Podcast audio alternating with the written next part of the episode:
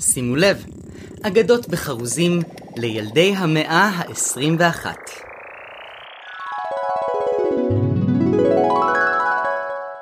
בבוקר ניסן, מול אביו מתעורר, עבר על פני אליסה, ארנב שמיהר. אליסה הייתה מבוהלת, החבירה וצרחה. על הפה של הארנב הייתה מסכה.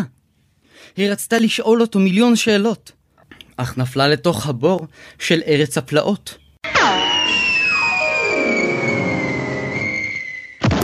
בעבור אליסה זה היה כבר הרגל. היא כבר ביקרה בממלכה, וכבר הצליחה להסתגל. לכן, כשנפלה לאותו בור אפלולי וחבוי, היא מצאה את הבקבוק ולגמה את השיקוי. היא צמחה, הצטמקה, התפתחה וגדלה. והנה אליסה בארץ הפלאות, ובפתיחת העלילה. היא זיהתה כל שביל, כל גבע ונחל, ומיד קידם את פניה חברה משכבר, הזחל. הוא חבש מסכה, וביקש גם מאליסה. זהר להידבק, חל וחסיסה. פסטיבל מסכות, כאן ישנה קורונה. רבבות נדבקים במבזק חסות. מדדו את החום לזוג בוורונה. הם מתים. ומיד שבו לפרסומות. אליסה שאלה על ארץ הפלאות, מה קרה לנתינים, ומה שלום מלכת הלבבות. הזחל נפגד עמקי נשמתו. אליסה לא שאלה בכלל מה שלמה. כאן כולם מסתגרים, יש קורונה בחוץ, ולכן נשמרים. ואני חשוף לכל וירוס, ובקרוב אהיה חולה. הרי אין לי בית, ואני חי על עלה. ולכן אני חושב כי היה זה די חיוני. לו הייתי פרה ברפת, אז היו דואגים לשלומי. ובזאת אליסה, עלייך להסתפק. אולי את מדבקת? את צריכה להתרחק. כאשר אליסה בדיוק חשבה שהזחל ממש דרמטי, היא ראתה על מרפסת סמוכה את החבר, המפטי דמפטי. אליסה הייתה בשוק, בהלם, היא הייתה המומה. המפטי דמפטי ישב על המרפסת, ולא על החומה. היא נפנפה בידיים, ושאלה אם המעבר למרפסת פירושו קידום. והמפטי דמפטי השיב שכולם מסביב ממש מתים משעמום. והפעם החליטו להתאכזר אליו בסוג חדש של תחכום. נראה כי המפטי דמפטי יכל לרדת אם הוא רצה ולו חפץ. אבל המפטי דמפטי לא זינק ולא קפץ. הוא היה בקומה הראשונה, הוא ממש ממש רצה. אבל אל נשכח שלהמפטי דמפטי הייתה צורה של ביצה. היה שם מעקה בגובה חצי אמה או רבע זרת. והשומרים דאגו למרוח עליו טיפות רסס של נזלת. המפטי דמפטי היה ממש שמח להסתלק, אבל מאוד פחד שיגע במעקה וידבק. רק אני עוד על המרפסת. אה, על מתי, המעקה מורעל. לו הייתי נבחר לכנסת, לפחות היה לי אז קהל. אל תיגעי בדלת, בלי כפפות, ובכלל אל תתקרבי. בעצם ילדה, את נראית לי טיפה מוכרת. לא היית כאן פעם? או ששירתנו יחד בקרבי? קוראים לי אליסה בארץ הפלאות. במשרד הפנים ביקשו ממני לשנות. אבל מה קורה כאן עכשיו? איך הכל מתנהל? המפטי דמפטי השיב שעליה לפגוש את מי שיבדוק אותה מרחוק עם מטוש. הוא איחל שתשמור על עצמה ותשמור על קשר. עליה להיבדק אצל פרויקטור הקורונה, החתול צ'יישר. אליסה גילתה שגם במקרה חמור ובהול, אי אפשר לתאם מפגש עם אותו החתול. בתור פרויקטור הקורונה, הוא היה מאוד עסוק, וגם היה עליו לאייש את עמדת הבידוק. הם התקדמו בתור, הכל היה רגוע, חתול צ'שר מנומנם, עוד טופס ממלא. הכנסת לי לאף! אחד צעק. מדוע? שלושה ימים אני רק משתעל. Hmm, זה מה שיש. זעק אז החתול צ'שר, מי הבתור? הוסיף ונעלם בערפל.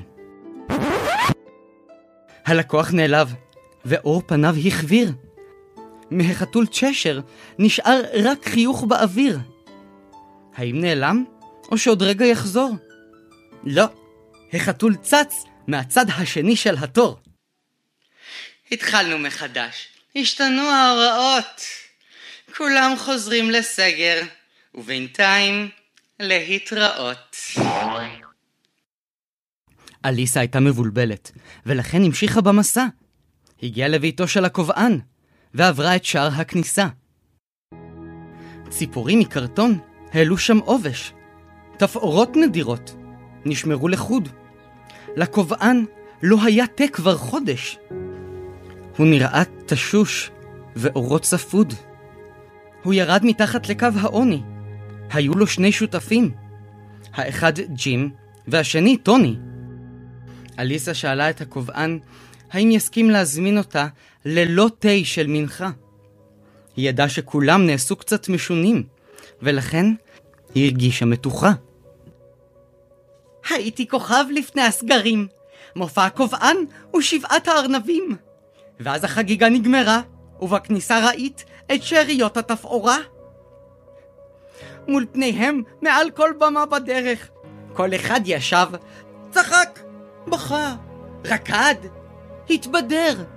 אבל גם קובען לא תמיד שמח, כי היום מצבי אחר. הוא דמה כאילו רחן מעל בצל כלוף.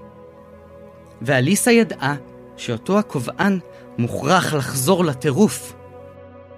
בליבה של אליסה הייתה עבורו פינה, ולכן היא כתבה לו ננה שצמחה בגינה. זה בהחלט היה פתרון מאוד פשוט. תגדל על שיחים, לא חייבים לקנות בחנות.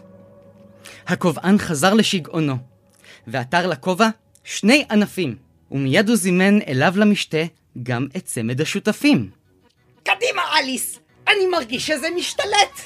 בואו ג'ון, טוני, ויתחיל המועוות וט וט וט וט וט וט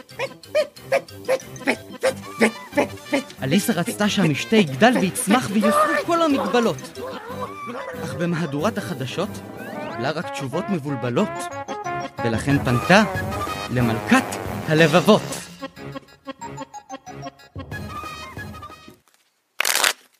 המלכה ראתה מבאינטרקום, וצוותה הכנס הכניסה.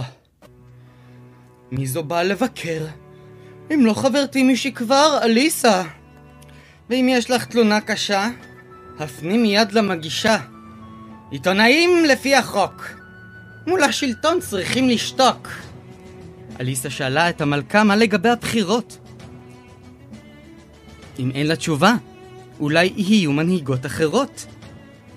אז אולי דמוקרטיה זה לא טוב? באיזו זכות יוצאים לרחוב? אזרח הוא כמו בובה על חוט, ולשלטון אין אחריות. זה שבשטח כאן שולטת, תמיד נוהגת רק למופתת! חרוצה, אדם חסין, אז אל תמתינו לפסק הדין. ולכן אם הדמוקרטיה נרדמה, הודיעו בתדהמה, כולם מעכשיו מוכרחים לצעוק מלכה אחת מעל החוק. ואליסה ידעה איך להגשים מראש את כל המשאלות של אותם תושבים מסוגרים ומסכנים של ארץ הפלאות. אליסה אמרה, אולם עם אחד, היינו רוב. היום כבר דואגים לחלוב. ארס, שנאה, ימין ושמאל. הכי פשוט, הפרד ומשול. אבל בדמוקרטיה מקצועית יודעים גם להחליף את השליט. וכך ילדה אחת, שעמדה והתריסה, ילדה שביקרה בארץ הפלאות, ילדה אשר עונה לשם אליסה, החלה לרקוד, לחגוג ולשמוח. כי לכל שומרי המלכה התחבר פתאום בורג במוח. השומרים הנאמנים של המלכה החליטו שנמאס לספוג השפלות ומצוקה. ואליסה ראתה את כל החיילים שווים לדעתם, וסוף כל סוף מוחים. כיצד הם בורחים, איך הם רצים, כמה מהר הם נמלטים. ואילו קולות אדירים הם זועקים. אליסה ידעה למה, החיילים מסתלקים. ולעתיד, הלא כולנו מוכנים עוד לצפות, ושואלים היכן נמצאת כעת מלכת הלבבות. בספר שנשאר לי, עוד חסר לי דף, ואף פעם לא שמעתי על חייל עשוי מקלף.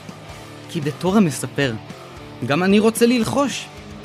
תנו לי לברוח מהמלכה שרוצה להסיר לי את הראש. גם אני מחפש את הארנב, שמאחר לו כל הזמן. שואל מתי גם אני אזכה לפגוש בכובען. ומה בדבר הדמות של אליסה? האם חל בה שינוי או תמורה? או שהיא תשוב מבעד למראה?